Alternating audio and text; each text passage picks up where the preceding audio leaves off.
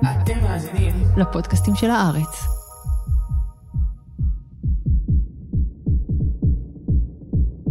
חלק גדול מהעבודה שלנו במסיבות טבע ופסטיבלים זה למזער את הנזקים שכרוכים בשימוש בחומרים. פה באמת חלק מהתפקיד שלנו זה לראות מישהו ששוכב עם הרגליים מחוץ לאוהל ב-35 מעלות חום, אפשר להניח שהוא מיובש, אז אנחנו כזה רגע בודקים, באים, מה קורה איתו. זה ניר תדמור. ניר הוא פסיכותרפיסט שמתמחה במצבים של הרחבת תודעה, ואחד המייסדים של צוות סיוע שעוזר לאנשים שנקלעו למצוקה במסיבות טבע. לקח לי כמה שנים של העשייה הזאת כדי להבין שהוויד משחק תפקיד לא קטן במשברים שאנחנו פוגשים במסיבות.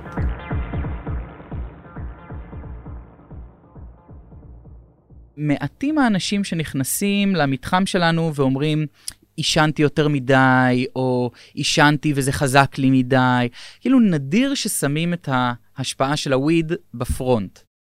ההתקפים הפסיכוטיים שניר נתקל בהם הם נקודות קיצון של שימוש בוויד. רוב האנשים שהשתמשו בקנאביס יחוו חוויה הרבה פחות דרמטית. אבל רגע לפני שתתחיל חגיגת הלגליזציה, ויותר ויותר אנשים ידליקו פה פייסלים, כדאי לשאול, האם אנחנו לא ממהרים להפסיק לפחד מהצמח שהרתיע אותנו במשך שנים?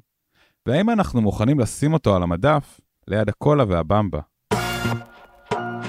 אני יובל ברגר, ואתם מאזינים לשבע שאלות על קנאביס.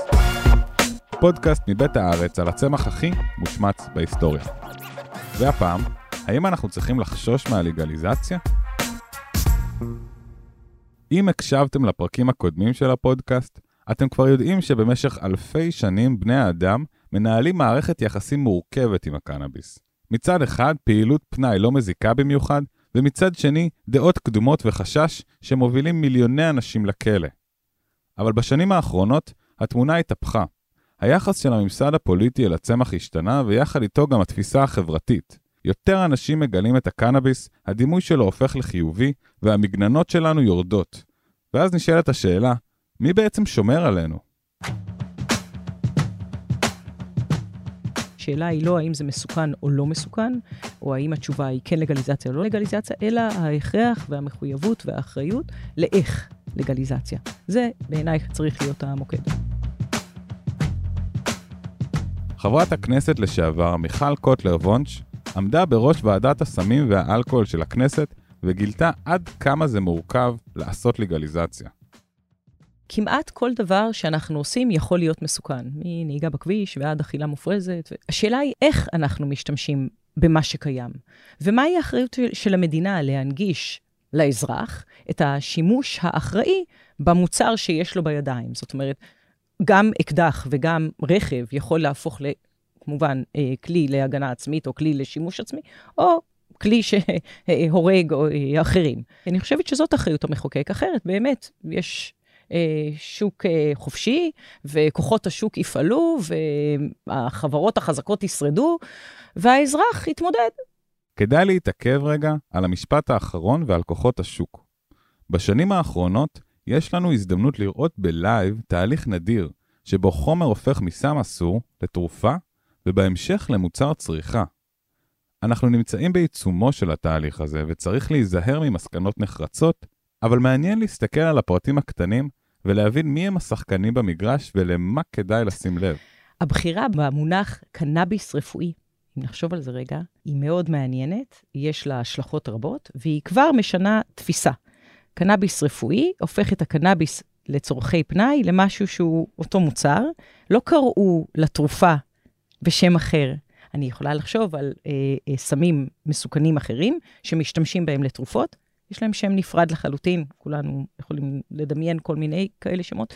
כבר בבחירה הראשונית הזאת של אה, ה marketing של המוצר הזה כקנאביס רפואי, ולצידו יהיה גם קנאביס לצורכי פנאי, אותו מוצר, וכבר אז אתה רואה מי הם כוחות השוק. במשחק של הקנאביס יש שלושה שחקנים. הציבור, חלקו רוצה קנאביס לצרכים רפואיים וחלקו לצורכי פנאי. המדינה, שאמורה לקבוע חוקים. למשל, מה נחשב רפואי ומה פנאי. מאיזה גיל מותר לקנות את זה, איפה מותר למכור את זה, ובגדול, לחשוב על כל דבר כדי לשמור על האזרחים. והשחקן השלישי, החברות המסחריות, שמן הסתם מנסות לעשות כסף. נכון להיום, כל חברות הקנאביס בישראל מוכרות רק מוצרים רפואיים, אבל הרבה מהן מכינות את הקרקע ליום שאחרי הלגליזציה, כשהקנאביס יהפוך למוצר פנאי. לחברות האלה יש הרבה מאוד כסף, ובדרך כלל גם איזה בכיר לשעבר, שיודע להניע את המערכת מבפנים, כמו אהוד ברק או יוחנן דנינו. בעצם זאת הייתה, נגיד, הדלת האחורית להיכנס לתהליך הלגליזציה, דרך המד... מד... מדיקליזציה. תודה, מדק... טוב, אתה תגיד. מדיקליזציה. כן, מדיקליזציה, תודה רבה. המדיקליזציה, זאת הייתה הדלת האחורית, דרכה נכנסנו, והחברות אה, השפיעו אה, על תחילת התהליך. הלחץ הציבורי להפוך את הקנאביס לתרופה הוביל חברות מסחריות להיכנס לתחום, ושני הכוחות האלה דחפו חזק בעיקר לכיוון אחד, להפסיק לרדוף אחרי משתמשי הקנאביס, או בקיצור, אי הפללה. כשאנחנו מדברים על אי הפללה בצורה נקודתית, אנחנו מדברים עכשיו על התוצאה של המקום שאליו הגענו, כתוצאה מכך שהחברות השפיעו על השיח הראשוני, נכון? לדבר אך ורק על אי הפללה בעיניי זה, זה נזק לכוחות השוק. זאת אומרת, אתה בעצם חיזקת את החברות. אף אחד לא אה, הסדיר את אה, הייצור, המכירה, אה, איכות המוצר שנמכר לש, בשוק הכללי. אני חושבת שההסדרה החלקית הזאת היא בערך הדבר הכי פחות רצוי.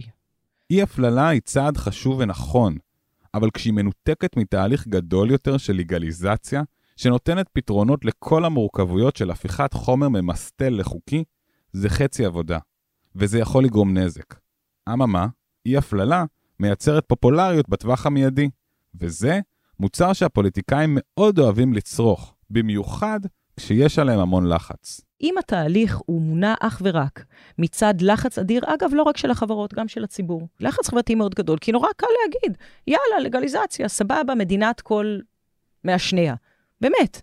ואני גם מבינה את זה. זה מאוד מאוד קל להסדיר דברים לטווח קצר, והפירות, בטח ובטח מבחינת הערכת הציבור את הפוליטיקאים שלנו, הם, לטווח, הם לטווחים מאוד קצרים. זאת אומרת, מגיע אה, מחוקק שאומר, אני רוצה להוביל תהליך לטווח רחוק, עם אחריות, אין לזה איזושהי קומפנסציה או הכרה. הפוך, הוא בדרך כלל נמחק באיזשהו שלב, כיוון שהוא לא לחברות ולא לציבור, נתן את מבוקשם בצורה מספיק מהירה. פרסומת אחת ואחריה, למה קמפיין תמים לכאורה באינסטגרם צריך להפחיד אותנו.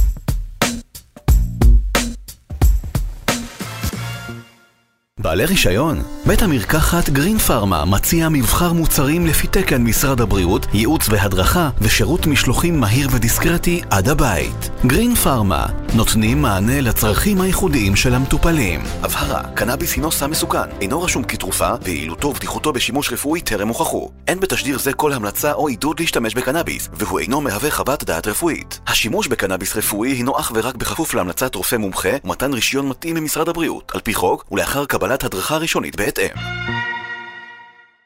המפעלים שהשקיעו בהם את המיליוני שקלים, הלוא הם צריכים להחזיר את ה... להצדיק את הקיום שלהם, כי אחרת הם יקרסו.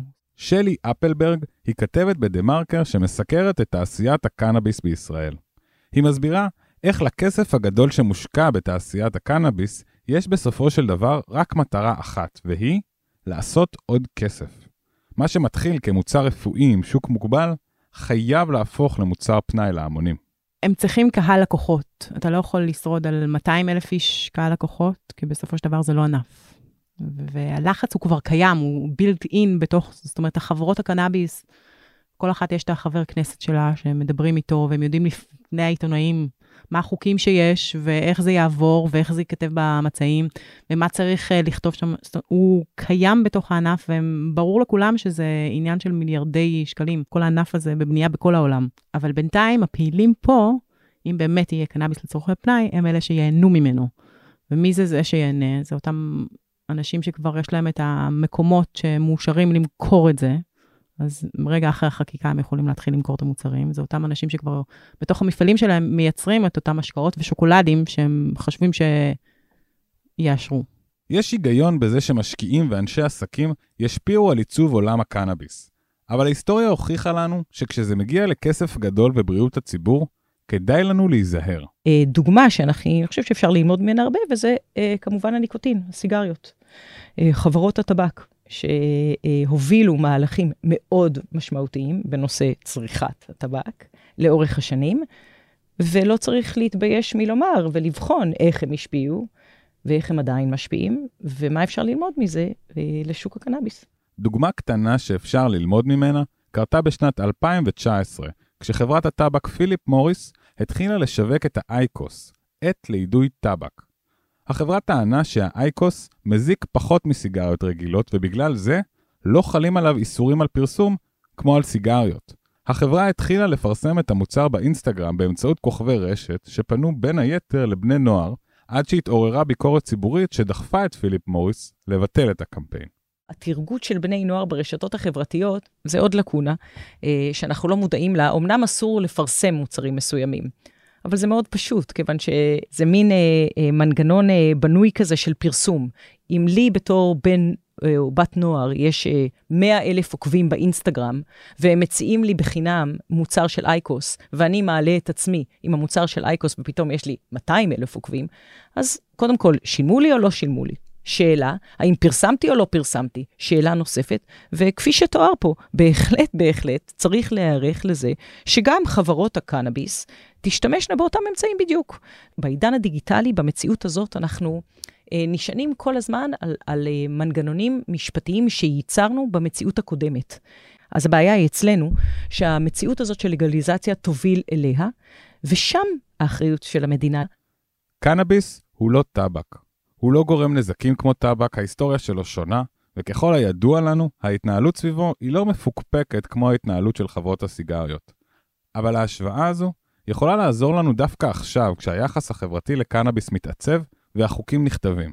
התהליך הזה שמשפיע בצורה מאוד רחבה על חברה שלמה, שבה אה, בן נוער, בן 16 או בת נוער, בת 17, אינם מבחינים בין עצמם לבין משתמש בגיל 25 ומעלה. אני משתמשת במספר 25 כי אה, יש אה, ויכוח שלם עד מתי התפתחות המוח היא כזאת שהסיכוי להתמכרות גדל בעשרות אחוזים. לגליזציה זה אומר שהדבר הזה הוא חוקי, זה אומר שהוא לא מסוכן לכולם באותה מידה, ויכול להיות שהוא מסוכן לך פחות מלבחורה בת 17. והיא איננה יודעת שזה מסוכן לך פחות מילה. אז אם אתה מעשן ג'וינט והיא מעשנת ג'וינט, יש לזה השלכות שונות. אחריות המחוקק, או אחריות המדינה, או אחריות המ... הרשות המסדירה את הנושא הזה, היא להנגיש את המידע הזה ולומר, כן, נכון שליובל, אה, לעשן ג'וינט, הסיכויים אה, להתמכרות הם פחותים בצורה מוכחת, מדעית, מלדנה בת ה-17. ודנה צריכה לדעת את זה, והוריה צריכים לדעת את זה, והמנגנונים המערכתיים, לא משנה אם זה אה, מנהלת בית הספר, או מנגנונים אה, של טיפול אה, שצריכים לדעת את זה. עם קנאביס, אנשים הרבה פעמים נורא מתלהבים עכשיו לגלגל ג'וינט. כאילו, הם שמחים, זה איזה משהו שמשמח אותם, זה משהו שהם רואים כחלק חיובי וכיפי ותומך בחיים שלהם. לפעמים זה ממש נכון, לפעמים הם לא שמים לב להשפעות שליליות ארוכות טווח שיש לדבר הזה, והם עסוקים באיזה כיף לגלגל ג'וינט, אבל בעצם וואלה, אולי היית יכול להיות הרבה יותר מסופק ולהגשים את עצמך יותר בעולם, אם את כל הזמן שהיית עסוק בו בלעשן, היית, לא יודע, קורא ספר. כדי שדנה בת ה-17 לא תפגוש את ניר הפסיכותרפיסט בנסיבות עצובות, מדינת ישראל צריכה לקחת אחריות על תחום הקנאביס. להפסיק לרדוף אחרי משתמשים זה דבר חשוב, אבל זה חלק קטן מהעניין. השאלה היא, האם ישראל והמערכת הפוליטית הלא יציבה שלה מסוגלת להתחייב לתהליך ארוך ויסודי? התמודדות עם כל מציאות דורשת קודם כל להבין את המצב.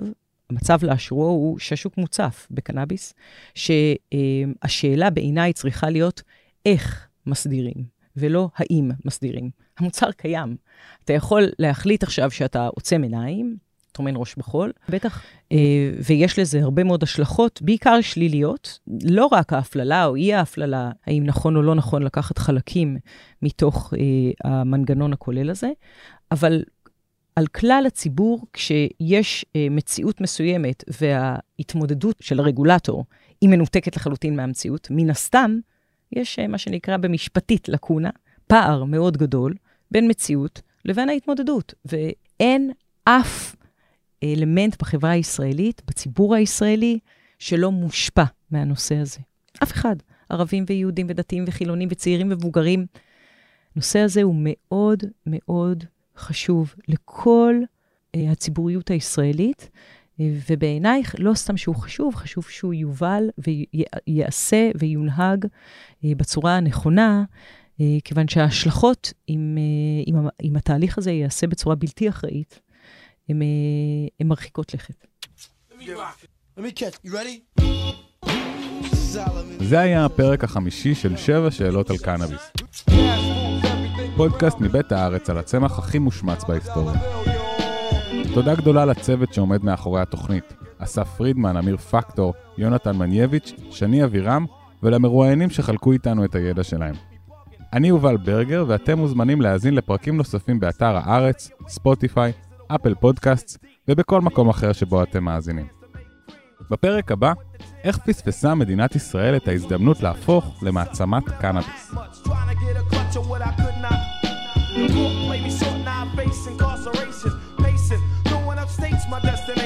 back of a bus,